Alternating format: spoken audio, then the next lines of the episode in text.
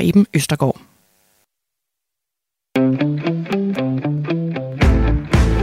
Du lytter til 4 på foden på Radio 4.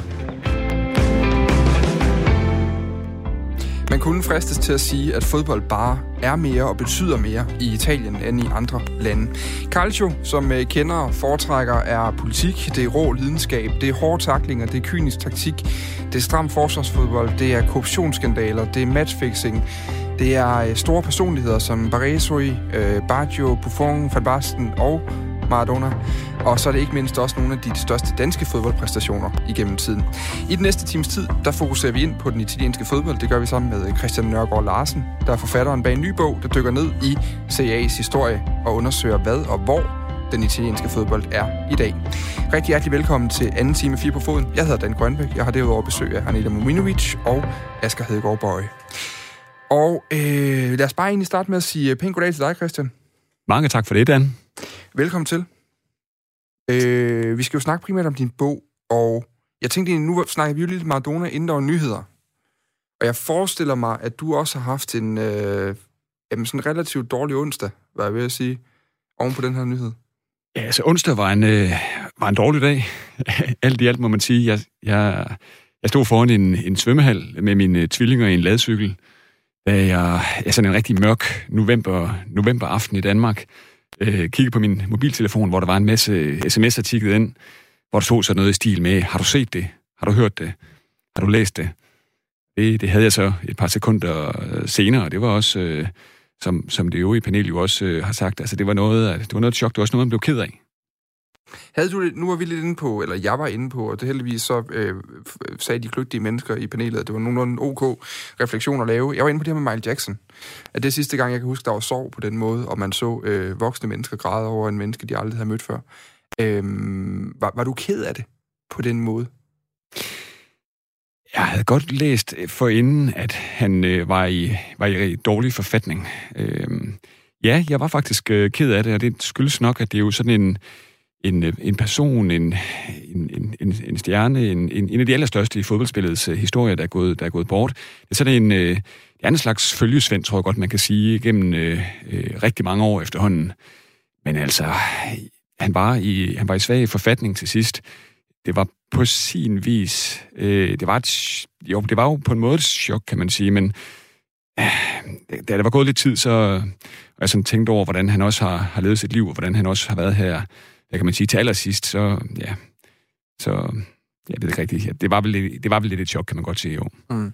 Vi kan sige, Christian Nørgaard Larsen, han er journalist, det er han på Berlinske. Han er også forfatter til øh, bogen Halvguderne, 100 år i italiensk fodbold, og så har han også boet i Buenos Aires derudover. Øhm, så på den måde er du... Øhm, det, ja, hvis vi skulle typecaste en til udsendelsen i dag, Christian, så tror jeg, at du var ret, øh, ret meget lige på, faktisk.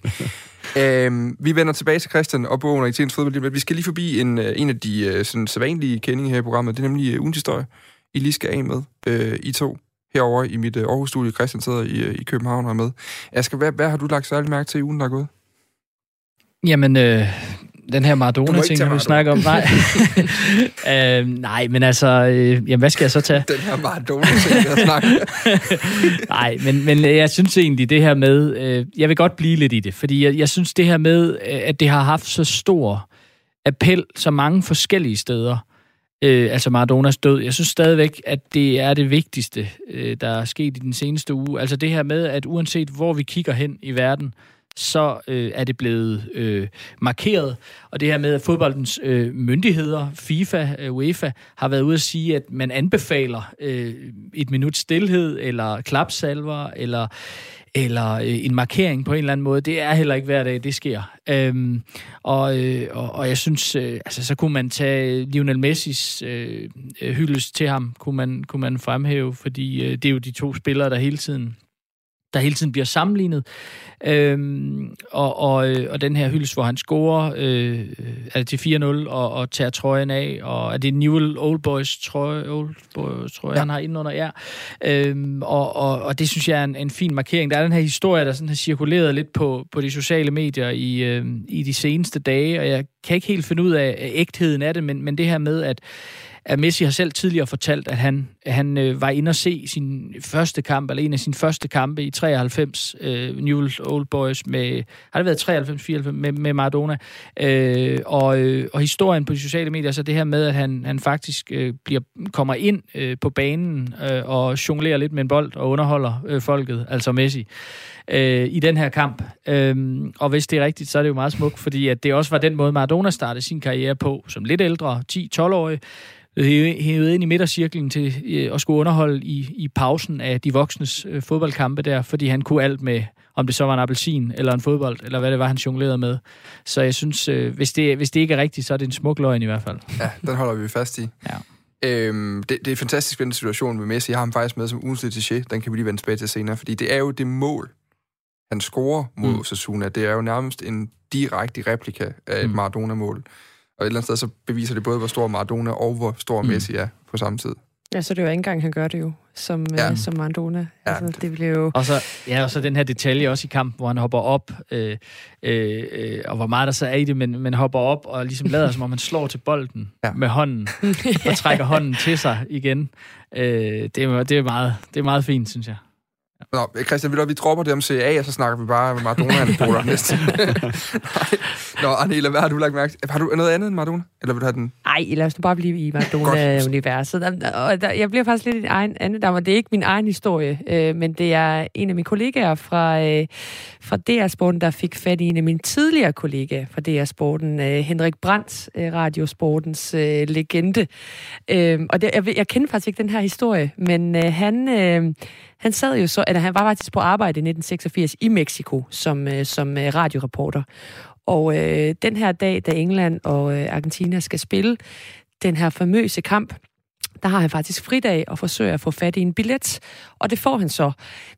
Lidt nogle dårlige pladser, tænker de så i første omgang, for det er lige bag det ene mål, men det lever de godt med, når, når der alligevel var 100, 14.000 ja. andre mennesker, der, der havde fået øh, plads på, øh, ja, hvad er det, Stadio Azteca. Azteca. Øhm, men det viser sig så, at det, det, er jo, det er jo de perfekte pladser, for det er jo lige præcis bag det mål, hvor øh, Maradona han scorer de to ikoniske kasser.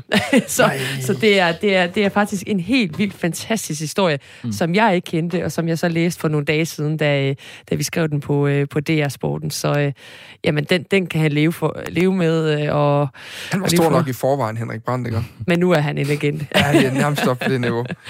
ja. Udmærket. Nå, jamen, øh, så tror jeg faktisk, jeg det ved ikke, har du, har du en Maradona-anekdote, der skal kastes i buljen også, øh, Christian?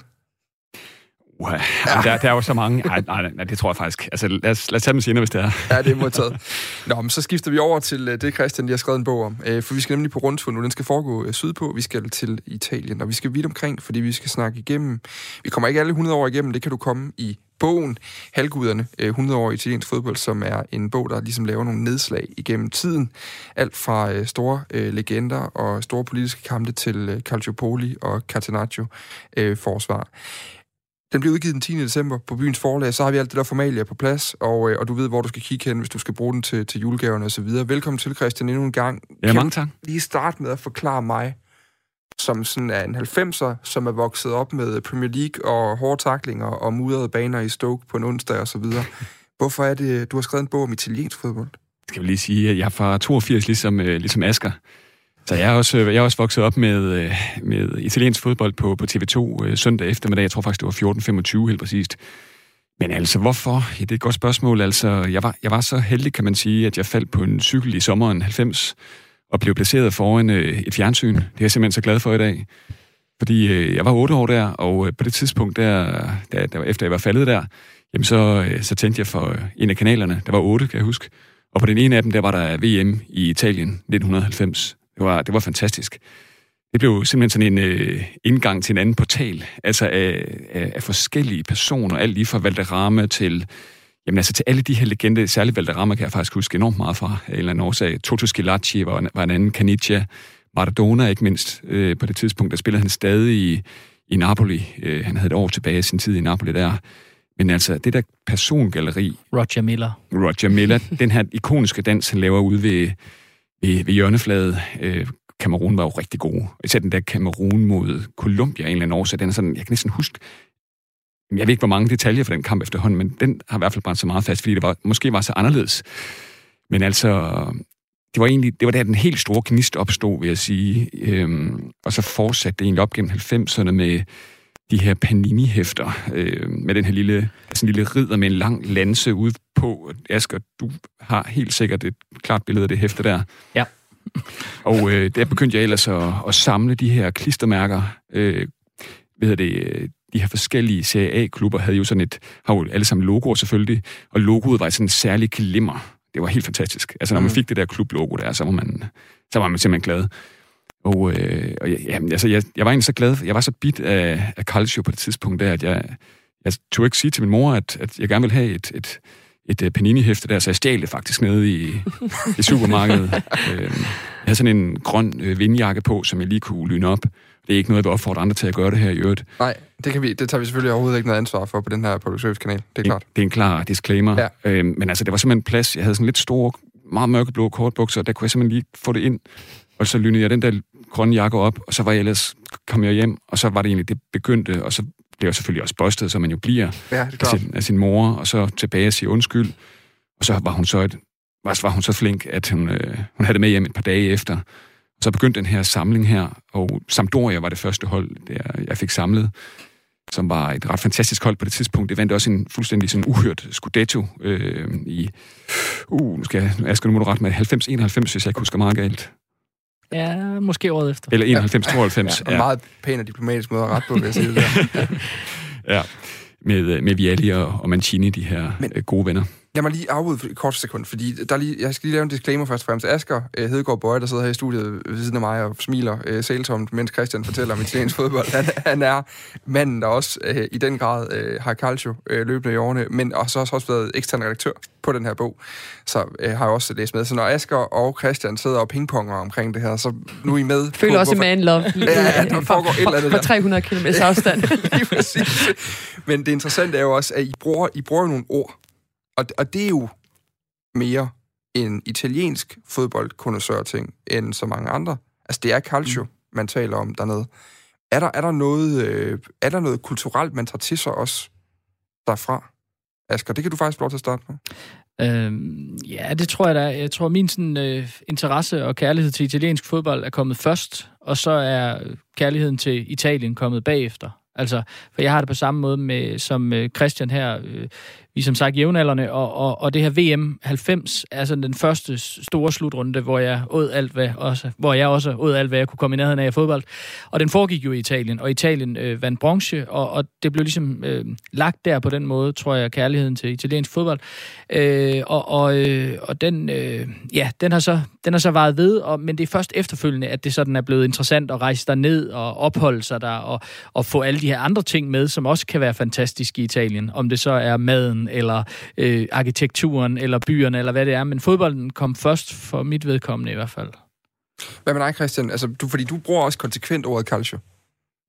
Ja, altså det, det gør jeg også, fordi at det, det er jo noget, man, der, også, der også bliver brugt i, i Italien. Og det er, også et, det er også et begreb, som har betydet meget for, for fodboldspillet i Italien. Altså, og uden sådan at, at skulle gøre det selv for meget sådan en historietime nu her, nu er det også ved at blive, blive aften, og sådan, øh, man må også gerne have en aftensmad, og ikke øh, sådan, ja. Hvad hedder det? Men calcio, det, det er noget, der har betydet meget, at det var under, under Mussolinis øh, ledelse, øh, der var det jo noget, som han forsøgte at slå meget på, det her med, at det skulle hedde calcio og ikke, øh, ikke, ikke fodbold, som vi kender det. Netop fordi, at, øh, at han ville lave en reference tilbage til, øh, til middelalderen, hvor der var et øh, meget primitivt boldspil, der hed calcio. Øh, og det blev faktisk spillet stadig. Det er sådan et florentinsk boldspil, hvor man mødes, øh, sådan, jeg tror, der er en 20-24 mand per hold, og så er nærmest alt tilladt, og det handler om at få bolden ned på den anden side. Så calcio har egentlig været sådan en, haft sådan en stor kulturel betydning, og det har haft en stor betydning for, for Benito Mussolini også i sin tid, i det her forsøg på at gøre alt italiensk. Mm. Og der blev, der blev fodbolden simpelthen... Og det interessante er jo, at når man oversætter calcio, altså når man går ind på øh, en eller anden online øh, oversættelsestjeneste, der skriver calcio, så er det, det, det oversættes jo til fodbold. Og det er jo nærmest det eneste sprog, soccer tæller mm. ikke. Det er vi nødt til at sige. Men det er nærmest det eneste sprog, der har sit, sit eget ord på den måde, for ellers så er det jo, det er jo fodbold i Bundesligaen, Anela. Det er... Jeg vil så sige, at på Balkan hedder det noget andet. Hvad hedder det da? Øh, man, man siger fodbold, men man siger nogomet. Altså noga er, betyder ben. Okay. Så, eller på fod. Øh, så der siger man faktisk nogomet. Øh, øh, men, men, men mange unge mennesker siger fodbold, men, men den ja, ældre generation okay. siger nogomet. Øh, så jeg tror måske, der er nogle andre, men sådan i de store sprog, mm.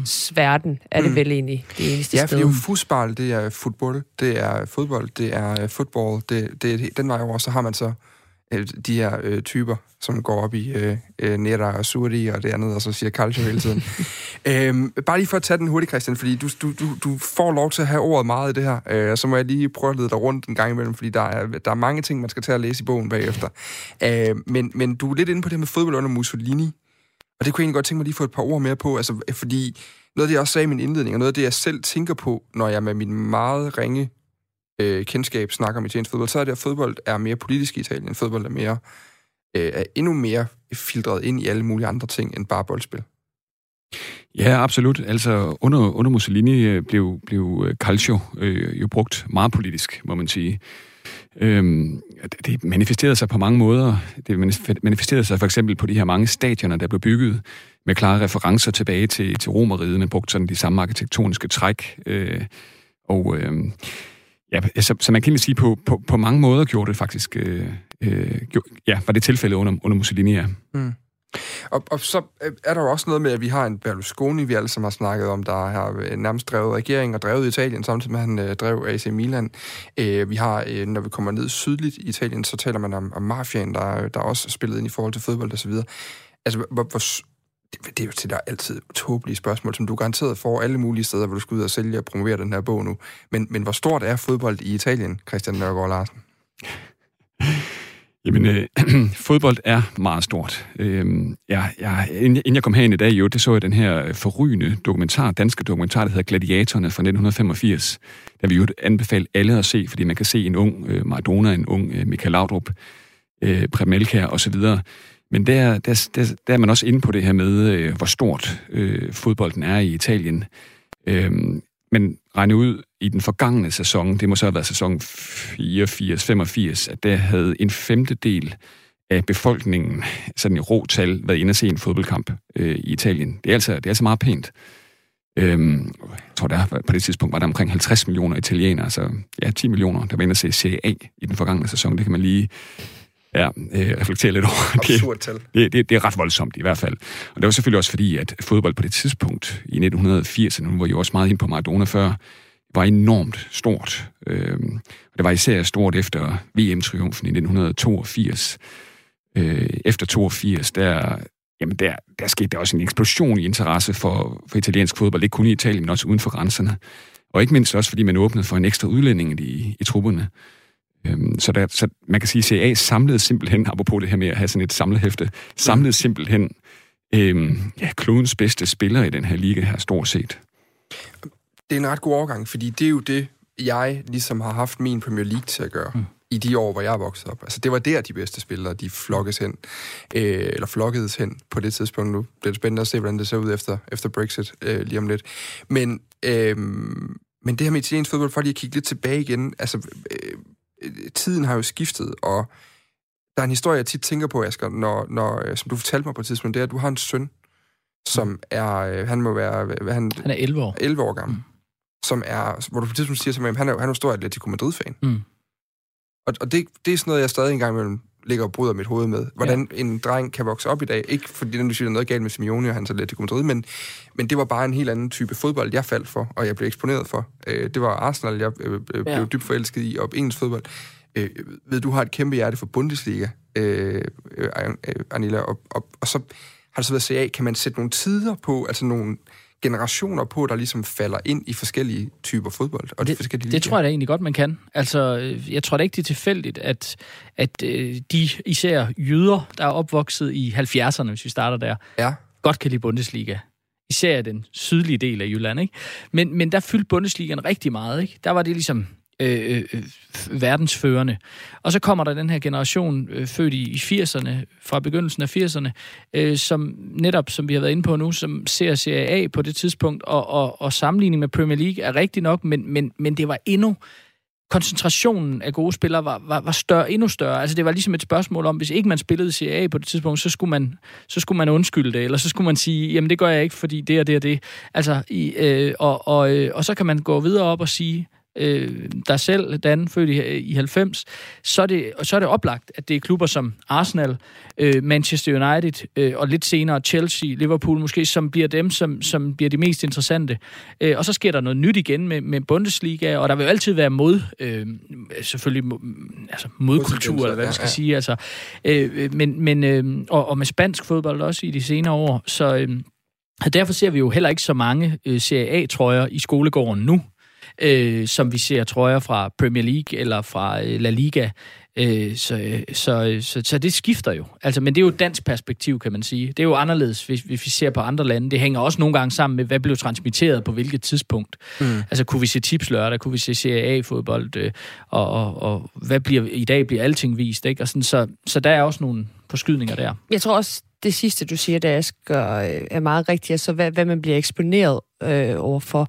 Altså, der kan jeg personligt sige, at, øh, at jeg, øh, jeg, jeg, jeg kom jo hertil som, som femårig og boede på et asylcenter først, og så flyttede ud i det danske samfund, hvis man kan sige det på den måde. Og det er ikke fordi, vi som nyligt flytninge havde mange penge at gøre godt med, så vi havde ikke kabel-tv, og vi havde ikke mulighed for at se øh, Premier League øh, og Serie A og så videre. Så jeg så jo sådan noget parabol-tv fra Tyskland, og det er jo derfor, jeg voksede op med Bundesligaen og fået kærlighed for Bundesligaen.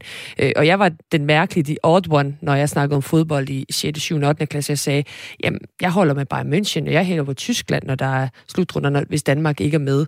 Og det blev jeg drillet med jo, altså mm. fordi at, at jeg nærmest var den eneste. Men når du ser nu for eksempel, jamen, så er der flere Bayern München, tror jeg, ja. til sådan nogle træninger uge 8, uge 9, uge 10, fordi de også bliver eksponeret. Der er mere, der, du kan sige mange øh, fodboldkampe, men også fordi der, Bayern München har succes. Så, så jeg tror også, det her med eksponering er, er rigtig, rigtig vigtigt i forhold til, hvad for en liga man lige, man lige ser. Hvornår begyndte det at gå nedad for italiensk fodbold? Hvis vi antager, at øh, Maradonas øh, år der i slut 80'erne, øh, starten af 90'erne, Øh, at, at det, hvis vi kan sige, at det var sådan en eller anden form for storhedstid af 90'erne også særligt. Altså, hvad, hvad, hvad var det, der knækkede kurven, og, og hvornår begyndte det at gå nedad, Christian? Ja, altså hvis vi siger, den gyldne periode begynder i begyndelsen af 80'erne, i hvert fald efter 82 i hvert fald, kan vi godt sige helt klart. Okay. Øhm, så vil så vil det strække sig. Ja, for det er faktisk sjovt, du, du stiller det her spørgsmål, fordi jeg stiller det til, øh, til, en, øh, til, en, engelsk, øh, pod, til en engelsk podcast og, og har ikke podcast vært, og har ikke fået svar på det. Præcis, hvornår den slutter, men, men der sker jo helt klart noget i 92, da Premier League kommer op at, op at stå, bliver det her globale brand, som bliver meget større end, end Serie A, som jo har haft øh, takstokken i, i en del år på det tidspunkt, i hvert fald 10 år. Mm. Øhm, så der sker noget der, altså, altså lad, hvad hedder det, Serie A bliver overhalet i begyndelsen af 90'erne, det er ikke nogen tvivl om, men hvornår slutter perioden, det er sådan lidt det er lidt svært at sætte øh, flaget ned på et givet år, men det er nok et eller andet sted omkring... Altså, man har selvfølgelig øh, Calciopoli i 2006-skandalen, hvor, hvor nedsmeltningen finder sted, samtidig med et, øh, et verdensmesterskab i øvrigt. Det er jo sådan et paradoks øh, i virkeligheden, at det skete også i 1982 øh, i øvrigt, hvor der også var en anden skandale samtidig med et verdensmesterskab. Sådan, sådan gentager historien sig nogle gange. Men, øh, men altså, det er svært at sige. Mm, mm. det, det er nok mange forskellige øh, mening om, vil jeg sige, når det slutter. Måske i slutningen af 90'erne. Det er, det er mit eget billede. Altså, hvis det her program også på en eller anden måde skal fungere som guide til dig, der gerne vil være øh, calcio-mand, så kan jeg også sige, at jeg talte med en god bekendt den anden dag, og lige, han, han ved rigtig meget om, øh, han er jurist, ved rigtig meget om, om matchfixing og så videre. Jeg vil spørge ham ind til det, jeg kalder calciopoli-skandalen, mm. så siger han, Dan, du, du, kan ikke sidde, du kan ikke sidde i et program og sige calciopoli. Altså, det hedder calciopoli. Og det blev bare nu, jeg lige mærke til, at Christian havde ja. egentlig glemt pointen, og sådan lykkeligt skubbet den væk fra mit hoved, men der kan du også altid genkende en, der faktisk ved noget med fodbold på det.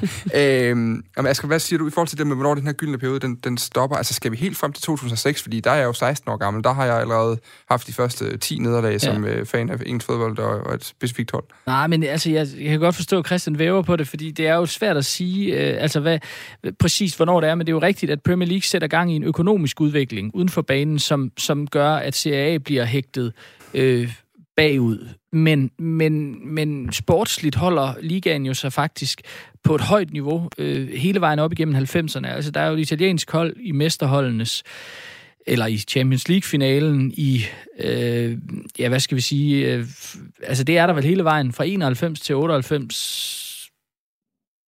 Ja, det tror jeg. Øh, jeg er ikke helt sikker på det, men, men, det, men, men, men de, det er hele vejen igennem. Øh, så der er ligesom en forsinkelse på, hvornår altså hvornår Serie A bliver koblet af det økonomiske tog, og så, mm. og så hvornår det sportsligt æbber ud. Øh, fordi man kan jo sige, øh, ren, øh, der er en ren italiensk finale, Champions League-finale 2003, øh, Milan-Juventus for eksempel. Øh, så der kunne man også sige, måske sker det derefter, men, øh, men jeg vil også sige, slut 90'erne, begyndelsen af 0'erne, øh, begynder det at tippe, øh, og, og også på den her måde, at de, de to store spanske klubber, bliver så store, som de er nu. Fordi øh, det kan vi jo nogle gange godt glemme, men, men Real Madrid og Barcelona har jo haft op- og nedture, øh, og ofte når det er gået godt for den ene, er det ikke gået godt for den anden, men, men, men, men, øh, men derfra omkring årtusindskiftet, så begynder de jo så begynder de jo begge to virkelig at tage, tage fart, altså mm. altså som, som store klubber. Øhm, så, så jeg vil også sige, de der, jeg har måske de der 15 år, cirka fra, fra start midt-80'erne og frem. Ja, man kan vel også kigge på Ballon d'Or vinder. Ja. Altså, der, der begynder jo også at komme et skæld i, i start, mm. eller slut 90'erne, start 0'erne vel, vel allermest. Altså, nu sidder jeg lige og, og kigger, kigger den lidt igennem. Altså, du har en Luis Figo i ja. Real Madrid i 2000. Michael Owen, Liverpool i 2001. Ja. Men du har stadigvæk øh, Nedved, Shevchenko, Ja, han vinder så også i som, 2003 Nedved. Som ikke? kommer der, ja, ja. Øh, efter. Så det har stadig en tiltrækning på de der hold. Man kunne også, man kunne også sige, øh, den sommer, hvor, hvor Serie mister Thiago Silva, og Zlatan Ibrahimovic. Kan jeg ikke lige på stående fod sige, hvilken sommer det er. Er det ikke 12, 2012? Jo, jo altså, ja. hvor, hvor man kan sige, øh, altså, der er det klart, løbet er kørt for længst i forhold til, til de andre ligaer øh, på den økonomiske fond, men der bliver det klart, også selv for italienerne, som i lang tid øh, ligesom sagde, at vi har stadigvæk, hvis ikke vi har det bedste, så har vi den, den, den, den mest fantastiske øh, liga. Ikke? Og, øh, men, men der har, så synes jeg, i de seneste 5-7 år været en erkendelse i Italien også af, der er noget, der er på vej i den forkerte retning. Vi bliver hægtet af her, så vi skal gøre noget andet. Og det er jo så det, vi ser i de her år, at, at der heldigvis er nogle mere positive strømninger. Du lytter til 4 på foden på Radio 4. Og jeg breaker lige, fordi jeg vil gerne, øh, vi kommer til at tale mere sådan, hvad kan man sige, øh, tendensbaseret udvikling i forhold til ligaen og sammenligning mellem dem. Men jeg kunne godt tænke mig også lige Øh, bruge dig som ekspertkilde, Christian, oven på hele den her bogproces, der har taget dig et, øh, et års tid, efter hvad jeg kunne, kunne læse mig frem til. Fordi der er jo et af de her fænomener, som vi altid taler om i forbindelse med, med italiensk fodbold, og som måske er mere fordom, end det er, er, er, er fakta. Men det handler om det her stramme forsvar, det handler særligt om det her ord, der hedder Catenaccio. Øh, der er jo rigtig mange, der har hørt om det, øh, garanteret. Der, der er nok endnu færre, eller færre end det, der ved, hvad det faktisk er, og hvor det opstår henne. Kan du ikke prøve at, øh, at lave et øh, portræt af Catenaccioen øh, for os? Hvor, hvor er vi henne, da, da det begreb første gang bliver brugt? Jamen, da Catenaccioen første gang bliver brugt, det er i virkeligheden meget lang tid siden. Altså, manden der, manden, der indfører Catenaccio, er i virkeligheden ikke italiener. Han, er, han er landstræner for, for Schweiz. Uh, han hedder Karl Rappan, og vi er helt tilbage i VM i 1938, så vi, vi, vi er sådan set langt tilbage, men det er interessant ved det her begreb her, Catenaccio, og Catenaccio, det var lige for lige hurtigt vende det også, forestil jer en, en, øh, en, en forsvarskæde, helt klassisk. Bag ved den her forsvarskæde, der er der så en, en ekstra mand. Man har simpelthen taget en angriber ud og placeret en ekstra forsvarsspiller bag ved forsvarsmuren.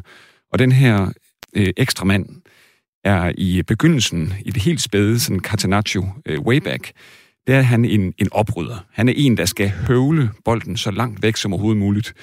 Øhm, det ændrer sig så øh, noget senere, et par, par årtier senere, fordi det er jo, Catenaccio hedder også noget andet øh, helt tilbage i 1930'erne der, naturligvis. Men det er under en, hvad hedder det, en, øh, en, en træner, der hedder Edera, som er træner for Grande Inter i 1960'erne. Han havde en fortid i FC Barcelona i øvrigt. Han er også med i Askers øh, bog om feltherre i øvrigt, kan, kan jeg huske. Han, øh, han perfektionerer det her system her, som er meget kontrabaseret. Han gør det, at han gør den her bagerste mand øh, til en, hvad kan man sige, en slags spilfordeler. Så i stedet for bare at være den her, der bare høvler boldene væk ud over stadion, så skal han være med til at øh, væve tingene sammen.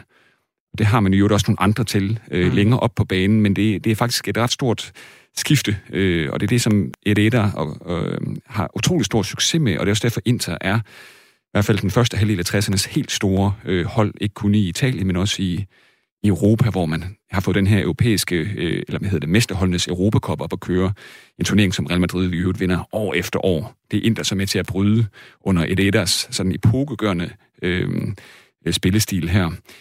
Og han, han bryder også, hvad kan man sige, normen ved at øh, kører med offensiv baks. Det er også sådan ret... Øh, det, er heller ikke, det er heller ikke så mainstream på det her tidspunkt her. Han har sådan en, en, en mand ude på, på bakken. Han har fuldstændig i øvrigt samme vægt og højde som mig selv. Det fandt jeg lige ud af i dag her. Det var sådan lidt øh, sindssygt at finde ud af. Øh, 85 kilo og 189 cm høj, som, som, som, øh, som simpelthen blev brugt til at galopere, og det gjorde han virkelig. Han er, han er altså et ordentligt køleskab. Øh, Giacinto Facchetti, øh, som er en af de absolute legender i Inders historie, måske en top 3, vil jeg sige. Altså til at galopere op af det, det må, det må have været et helt sindssygt syn øh, ja. på det tidspunkt der. Øhm, så på den måde var det en anderledes Catenaccio, end den, der blev brugt af Karl Rappan tilbage i slutningen af, af 30'erne.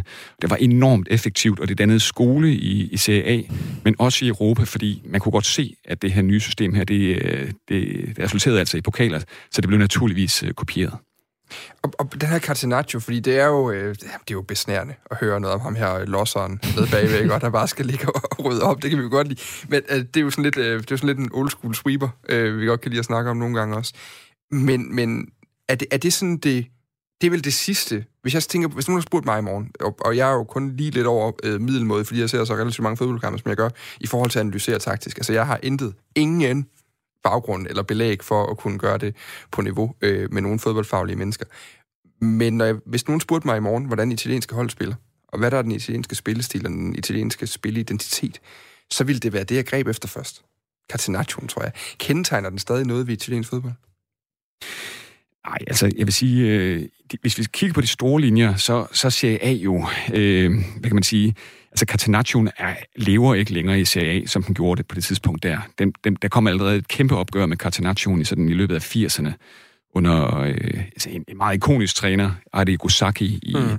i, i Milan, øh, som var i spidsen for, for det her Milan-hold, som vandt alt, ganske enkelt. Det måske historiens bedste hold, og som jo også er meget kendt for den her hollandske trive med, med Gullit van Basten. Og så da man åbnede for den tredje udlandske spiller, også øh, Frank Rijkaard. Så, så man kan sige, og, det, og i Italien kan vi godt lide at bruge de her sådan store øh, termer. Han begravede Catenaccioen, øh, tror jeg også, jeg skriver i min bog. Det, det, det, det er måske sådan lidt en stramning. Det levede også videre sådan lidt øh, hister her, men, men det var et opgør med, med den her spillestil. Øhm, så man kan ikke sige, at CA i dag er øh, Catenaccio-inspireret. Det, det vil være synd at sige. I dag er der nogle store strømninger, som jeg egentlig tror går på tværs af de europæiske ligaer, og som i den grad også påvirker øh, CA.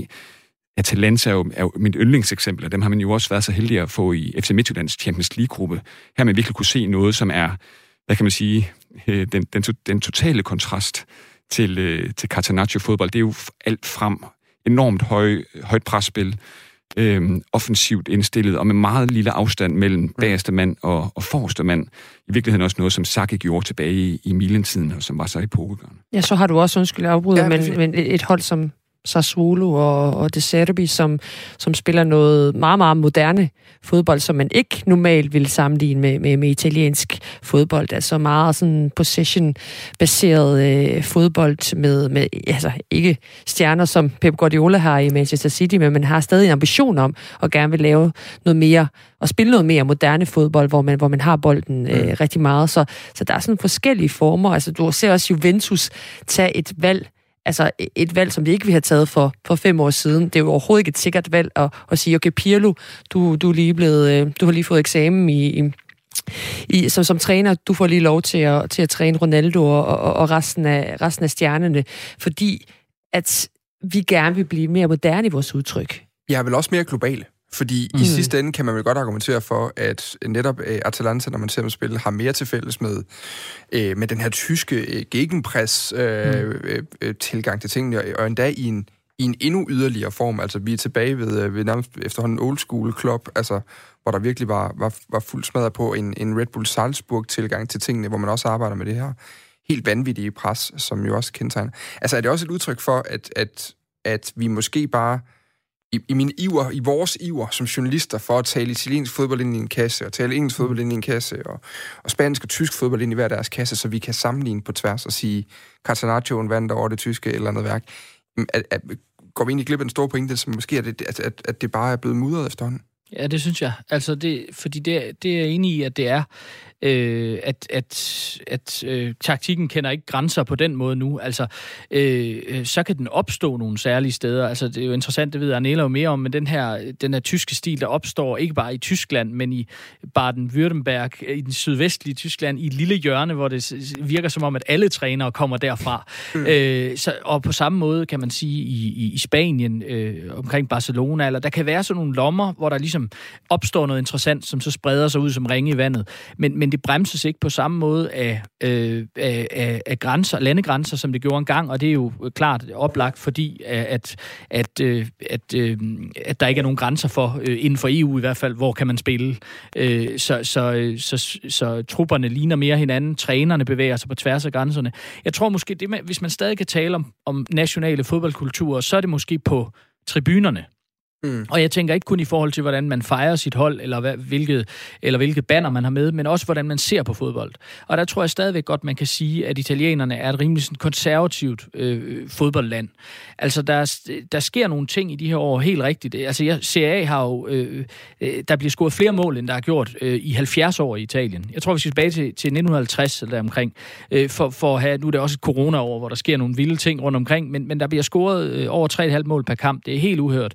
Øh, Øh, men den der udvikling fra få mål i 80'erne, hvor CA var stærkest i Europa, og så til øh, lige så mange scoringer som i de andre ligaer, og så til nu, hvor man scorer endnu mere, den har betydet, at CA er festligere, kan man sige, end der nogensinde har været mere seværdig, men også mere skrøbelig. Altså holdene er mere skrøbelige.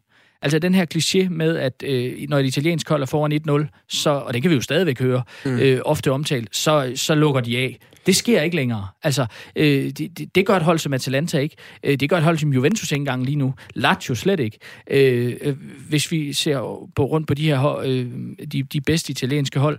Så, øh, så det, men, men jeg tror stadigvæk, det italienske fodboldpublikum, og det bliver jo bare en påstand, fordi jeg har ikke været ude at spørge øh, alle 50 millioner, men, men, øh, men at de er mere til, øh, vi holder på det, vi har nu, øh, spillemæssigt også. Altså, hvis vi får en 1-0, så synes vi egentlig, det er en rigtig fin og smuk sejr, hvis vi får den. Mm. Det, det, det, det, det er den oplevelse, jeg har, i hvert fald når jeg ser fodbold i Italien, at, at, at der stadigvæk er den, og det giver jo meget god mening, at den ligesom øh, tager længere tid om at blive forandret, den, den kultur.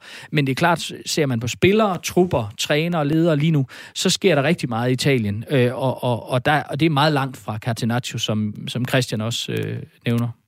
Ja, vi kan lige også lige en hurtig anden ting, vi kan ind, fordi vi, altså, jeg tror, en af de ting, vi ikke når så meget snart med, som øh, bortprioriterer en lille smule, det er danskerne i. Det skal man gå ind og læse om, for der er rigtig mange stærke historier. Der er også en, en Elkjær-historie, som har sin debut netop i forbindelse med Maradona, øh, som vi også taler meget om. Han spiller bare for Hellas Verona i stedet for. Øhm, der er også en, nu er vi inde på Herrera og hans øh, Grande Inter øh, tilbage i tiden. Der var en Harald Nielsen, som også øh, spillede øh, på det hold, i hvert fald i nogle af årene. Du tør jeg ikke begive mig mere ud af det, men jeg tror, det er nogle af Han sluttede der, men var stor i, i Bologna. Okay, modtaget, Asger. Tak for det. Uh, vi er stille og roligt videre. Jeg kunne godt tænke mig, fordi nu var vi lige lidt omkring det, det nutidige fodbold også, Christian. Uh, og kan man snakke om, at Serie A's image er slidt i dag? Mm, nej, jeg, jeg synes faktisk, der er bedring på vej i, i Serie A, som i øvrigt fylder 100 år. Øh, om, øh, ja, det er godt og vel 8-9 år nu her, så, så er vi oppe på 100 år. Og der er, altså man kan sige, og, og hvis du vil stille spørgsmålet, er, er Serie A på vej til at være, være, være en af verdens, eller hvis ikke verdens bedste øh, turnering igen, så, så vil jeg også helt klart sige nej. Men, øh, men der er helt klart en vilje. Der er sket noget med Serie A her de sidste par år. Det er i hvert fald en påstand fra min side. Men der er også en masse pump på vejen, øh, for at sige det som det er. Vi har især nogle meget utidsvarende stadioner rundt omkring øh, på det italienske landkort. Der er stadig store, hvad kan man sige, stærke grupperinger i det her, nu er vi også lidt inde på fanmiljøet, men, øh, fanmiljøet, men i det mere sådan fanatiske ultrasmiljø, øh, hvor der i den, i den forgangne sæson her var flere eksempler på, på kedelige abelyde mod sådan nogle spillere som Lukaku og Balotelli, da han spillede i, i nedrykket Brescia. Øh, man kan sige, så, så der, altså, der er mange udfordringer for, for Serie A øh, stadig. Og det er bare, hvad kan man sige, hvis man har en ambition om at nå, hvad kan man sige, tidligere tiders øh, øh topplacering på, på, på det europæiske fodboldkort, så skal man have gjort øh, noget ved, ved alt øh, det her. Og så er der selvfølgelig også økonomierne. Øh, nu, det, nu, nu er vi jo i sådan en covid-19-situation øh, i øjeblikket, men det er ikke mange dage siden, det kom frem, at det er, altså, at, jeg tror nærmest, det var, det var over halvdelen af Serie A-klubberne, der, der ikke kan, kan betale lønninger øh, til, mm. til tiderne, men det skal man måske også sige, det, det, er, jo, det, er, jo, det, er, jo, det er jo en generel ting i øjeblikket i, i fodboldsporten, desværre. Så for, for at kode det helt ned, så er der nogle ambitioner øh, lige nu. Der er nogle ting, der peger i den rigtige retning øh, i Serie A, men der er med også nogle, øh, nogle udfordringer. Hvad er udfordringerne, når vi kigger på fodbold globalt set, Daniel? Altså, du, nu Bundesligaen vil jo være den liga, hvor jeg siger, at det, der har jo været en, talt enormt meget om Bundesligaens øh, genkomst over de sidste 10 år. Altså, der har vi virkelig set dem gøre det rigtig godt øh, på europæisk plan. Vi har set ikke, ikke mindre, så i samtidig med, at, at, at øh, priserne på billetter alt muligt blev dyrere i England, og det blev svært at komme til fodbold osv., jamen, så har man set den her fankultur øh, køre rigtig godt i Tyskland. Vi har også set, at de, det, er jo, det er jo tyske trænere, det er jo Tuchel, det er jo Nagelsmann, det er jo øh, Klopp, som tegner kulturen og tegner øh, takti- den taktiske udvikling i øjeblikket, øh, som, som præger mange andre steder. Kan man tale om, nu er du så fuldt Bundesligaen på det niveau, altså den genkomst Bundesligaen har lavet, for det første anerkender du overhovedet øh, den præmis, jeg prøver at lægge ned her nu, og, og, og hvad er det, der er sket der? Hvilken præmis snakker du om, jeg skal... Men altså, at, at, at Bundesligaen er kommet tilbage fra, fra et dårligere sted, altså et eller andet sted, og, og hvad er det, hvordan har de gjort det i forhold til, at nu taler om Italien er på vej til måske at komme op igen? Bestemt, men det kom jo også efter et, et, et kæmpe nederlag ved, ved EM i 2000, hvor de skulle revurdere hele deres måde at, at, at spille på, og det er jo, hvad skal man sige, typisk tysk, at der, når, når man ser, at der er noget galt, jamen, så skal man jo fikse det hurtigt som muligt, og det kommer efter det her VM 2006, hvor de for alvor begejstrer, begejstrer folket og begynder også at uddanne deres træner meget, meget, meget bedre. Øh, så, så man kan jo sige, at, de har jo udviklet sig på, på en rigtig, rigtig god måde i forhold til, at de også har, også har fået et, et, et nyt brand, kan man sige, med det her gegenpressing, og har fået fantastiske spillere ud af det, og et EM-trofæ også, men også mm. nogle, nogle, nogle trænere, som de bliver ved med at producere. Øh, og, og så har de så selvfølgelig de her højborg i, i Bayern München, som, som, som bliver ved med at være flagskibet i, i europæisk fodbold. Man kan så sige, hvis man skal sammenligne Bundesligaen og Serie A, så er Bundesligaens problem, vil jo nogen sige, at de har den her 50 plus 1 regel. Der er ikke rigtig nogen, der kan udfordre Bayern. Altså, der er ikke mulighed for, at der kan komme en anden udlandsk investor og sige, okay, Bayer Leverkusen, nu, nu, nu, nu kører vi. Nu, kører vi. Nu, ja. nu fyrer jeg 2-3 milliarder ind i klubben, og så, mm. så skal vi skabe en, en liga, hvor vi kan sælge tv-rettigheder til hele verden. Den mulighed har CA jo faktisk, fordi de, de har klubberne, som, som, har, som har en fantastisk historie. Altså udover Juventus, jamen, så har du Milan, jamen, så har du Inter, du har øh, Napoli, Roma osv., du har navnene, så, så hvis du kan få styr på alt det rundt omkring og få nogle, få nogle investorer ind og, og få nogle ja, stadions, som, som, som der også bliver sagt her, altså det, det, det er vel kun egentlig Juventus, der har sådan et, et, et, et moderne stadion, jamen så mm. kan det jo faktisk komme op igen og, at udfordre Premier League, selvom Premier League er på et helt andet niveau i forhold til, til de andre ligaer øh, rent kommercielt. Men, men det er interessant, det med, du taler om, for det, er jo lidt det, jeg vil hen med det her meget nørklede spørgsmål, jeg fik stillet lige før. Jeg kunne sige, hvis jeg, hvis jeg havde været sidelinjereporter, så havde jeg måske sagt, du ser forvirret ud nu. øh, men hvis vi nu starter med, der er ligesom et, et point zero, hvor man starter fra, der er en krise, og så skal man bevæge sig ud af den på en eller anden måde, så skal man handle på den på en eller anden måde. Kan man, kan man antage, Christian Nørgaard Larsen, at, at det er øh, øh, omkring 2006, øh, det er jo det, landsholdet faktisk gør det rigtig godt, men hvor klubfodbolden i Italien vil jeg sige, da jeg har været mine teens der i 16, 17, 18 år, der forholdt jeg mig ikke engang rigtig til italiensk fodbold, fordi det var der ikke rigtig grund til. Der var lige AC Milan, der stak hovedet frem en gang imellem i nogle finaler. Jeg, jeg synes faktisk, det er lidt svært at tale om. Altså, hvis man kigger på, på italiensk fodbold de sidste, hvad skal vi næsten sige, 10 år, den, altså, altså italiensk, øh, en italiensk klub har ikke vundet en international turnering. Det har landsholdet jo heller ikke. Og så kan vi bare tænke tilbage på, hvor mange titler øh, spansk øh, fodbold har vundet. Mm. Altså Inter, Inters øh, Champions League-titel i 2010 er den sidste store øh, øh, internationale øh, titel, et, et, et øh, italiensk hold har vundet. Det synes jeg er tankevækkende. Ja. Nu, var, nu var Inter, altså den blå del af, af Milano, tæt på i, øh, i hvad hedder det, Europa League-finalen her i sidste sæson, men tabte så også, kan man sige, ganske symptomatisk øh, til, til, til det hold, der så ejer turneringen, Sevilla, ikke? Men altså, man kan sige, hvis CA jeg er helt enig med det, som Arnella også siger. Altså, det handler virkelig om, at man... Altså, altså man, CA er meget langt fra Premier League, når det kommer til sådan at have sådan et skinnende, stærkt brand. Øh, det, det må man altså sige, fordi der er så mange udfordringer. En af dem er jo også det her med, at du har en magtfaktor som, som Juventus, øh, som har vundet øh, 9 ud af 10 mesterskaber. det er bare, altså det er ikke lige så appellerende at have en liga, hvor der er et, et, et monopol, som, som simpelthen er så stærkt i forhold til de andre. Og det er også helt rigtigt, som Manella jo siger, at Juventus ejer, ejer deres øh, stadion. Øh, det gør øh, Udinese i øvrigt også, øh, og jeg tror, der er en 3-4 andre. Øh, alt, ja, Atalanta har vel også opkøbt Atalanta det, også, ja, lige præcis. så, så altså, og det taler man meget om i Serie A i de her måneder her hvis man skal have spændingen tilbage, hvis man skal have den her konkurrencedygtige turnering tilbage, som man havde i 80'erne, hvor der simpelthen var forskellige vinder, altså nu, nu nævnte jeg også Sampdoria tidligere, altså så skal man simpelthen have nogle klubber, som, som også er lige så stærkt stillet som Juventus, og, og der er nøglen, bliver der i hvert fald diskuteret, altså at man går ind og, og hvad kan man sige, får bygget nogle tidsvarende stadioner, hvor man kan få øh, ja, opbygget merchandise-butikker, restauranter osv. Altså status i dag ved mange af de her CA-klubber er, det, er at øh, de er faldefærdige. Der er en melding om, at øh, i presseboksen i, øh, på, på det, der nu hedder Diego Maradona, altså, i stadionet i, i Napoli, jamen der regner det ind i presseboksen. Øh, den nye amerikanske præsident i, øh, i Napoli, Comiso, han har berettet om, at der var noget af væggen, der faldt ned, da han havde sin kone med på, øh, på stadionet første gang. Altså, og det er simpelthen fordi, at det er myndighederne, der er de her stadioner her. Så, og der er mange klubber, der gerne vil, men de er simpelthen låst i forhold til lovgivningen, som, som siger, at at, hvad hedder det, øh, at det ikke, altså, man, man kan ikke bare, hvad hedder det, man, kan, man kan ikke bare bygge et stadion, hvis du, hvis du vil det i morgen. Det, og du kan ikke bare forny et stadion, hvis du vil det i, i morgen. Det kræver nogle helt særlige tilladelser, og det italienske byråkrati er altså øh, mægtigt stadig.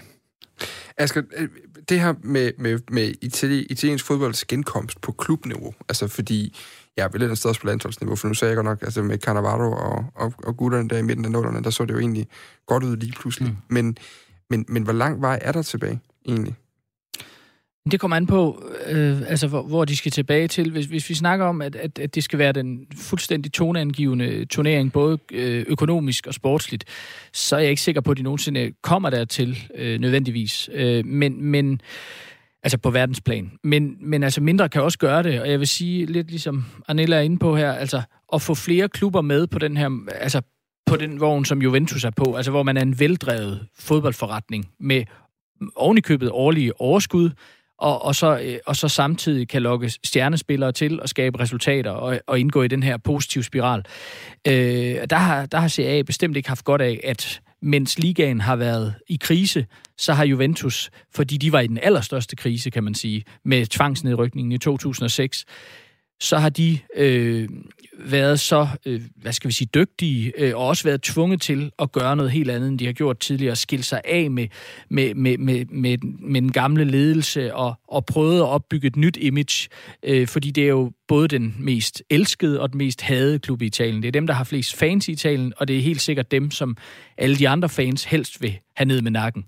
Øh, så de, har, så de har haft held med det samtidig med, at resten af ligaen ikke har. Øh, og det er jo rigtigt, som Christian nævner, men vi skal have det her med, at de ikke har vundet en titel i, i 10 år. Øh, en stor titel på landsholdsplan og klubplan. Og hvis der er nogen, der går op i at vinde titler, så er det italienerne.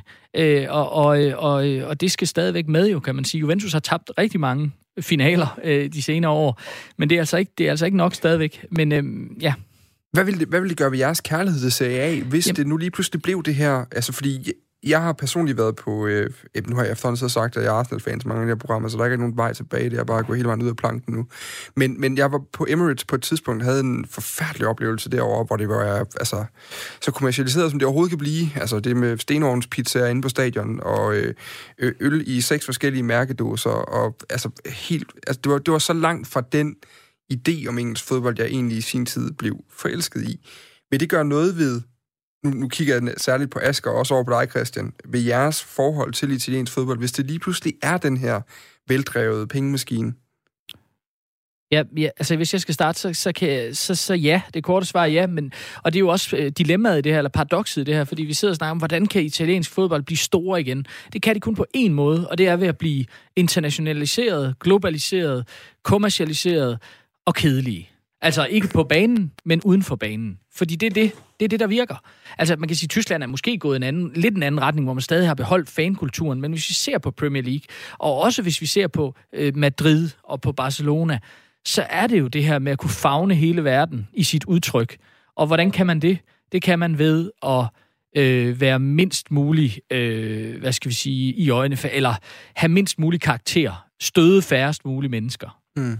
Øh, og, og, det, og der må man sige, at italiensk fodbold, der, der, dem, man slår sig stadigvæk på italiensk fodbold, om det så er et faldefærdigt stadion, eller en mærkelig klubpræsident, eller hvad det er, men, men, øh, men, men det er en del af charmen for mig øh, at se, men det er selvfølgelig en balance, for vi har heller ikke lyst til at, have, at bare se øh, charmen inde i, i, i ingenting. Øh, så, øh, men for at få succes i dag, så skal man, hvad enten man er fodboldspiller, fodboldleder, klub, land, øh, liga, så skal man, øh, så skal man ligesom spille på den banehalvdel, øh, øh, der hedder altså, kom, det kommercielle og det globale. Og det er italienerne, det har de ikke været så gode til i forhold til de andre. Hvad vil det betyde for din... Øh, når, når, altså nu sidder jeg bare lige... Jeg sad tidligere og læste, øh, Christian, noget af det, som dit forlag skrev om bogen øh, på nettet. Og der bliver der meget lagt vægt på netop på videnskaben, på passionen, på alt det der, der er mellem fingrene, vi ikke rigtig kan holde og røre ved, men som, som jo alligevel gør, at vi, vi tænder for fjerneren, øh, når, når, vi, når vi sidder derhjemme og har tid til det. Hvad vil det gøre for, for de elementer for dig, øh, hvis, hvis det bliver til det her futuristiske marked, som Asger er ude i?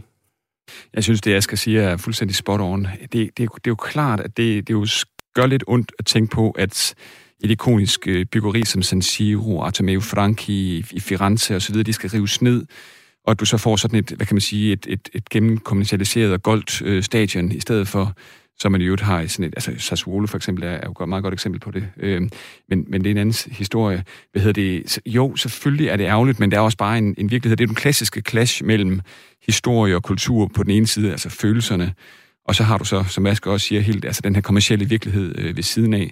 Altså kan man virkelig, nu for lige at vende tilbage til San Siro, kan man virkelig forlade den her ikoniske ramme, altså det her fuldstændig sådan mytiske sted, hvor sådan nogle stjerner som Baresi, Van Basten, Mila, eller hvad hedder det, Maldini og øh, Gianni øh, Rivetta har spillet.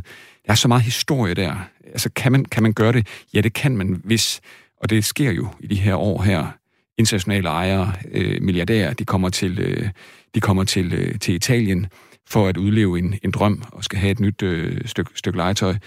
Øh, altså, det er jo klart, de ved jo godt, at, at det, de køber her, det er en fodboldklub med en meget, meget rig historie. Øh, så man kan sige, den fjerner du jo ikke bare ved at fjerne stadion, selvfølgelig.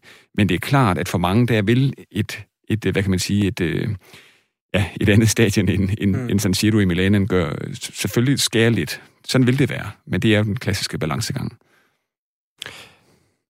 Jeg havde egentlig tænkt mig, at vi skulle, øh, jeg havde egentlig tænkt mig, at vi skulle slutte med danskerne i CA, men øh, nu ser det ud til, at den største ikke, er på vej væk, og det så har vi 3 minutter og 34 sekunder tilbage af det her program. Det kan jeg godt se. Det bliver en af de der, det bliver en lige så stor mission, som at få øh, italiensk fodbold tilbage til øh, fordums storhed, uden at sælge ud til markedskræfterne, så at sige. Christian Nørgaard, lad os, lad os slå af et andet sted.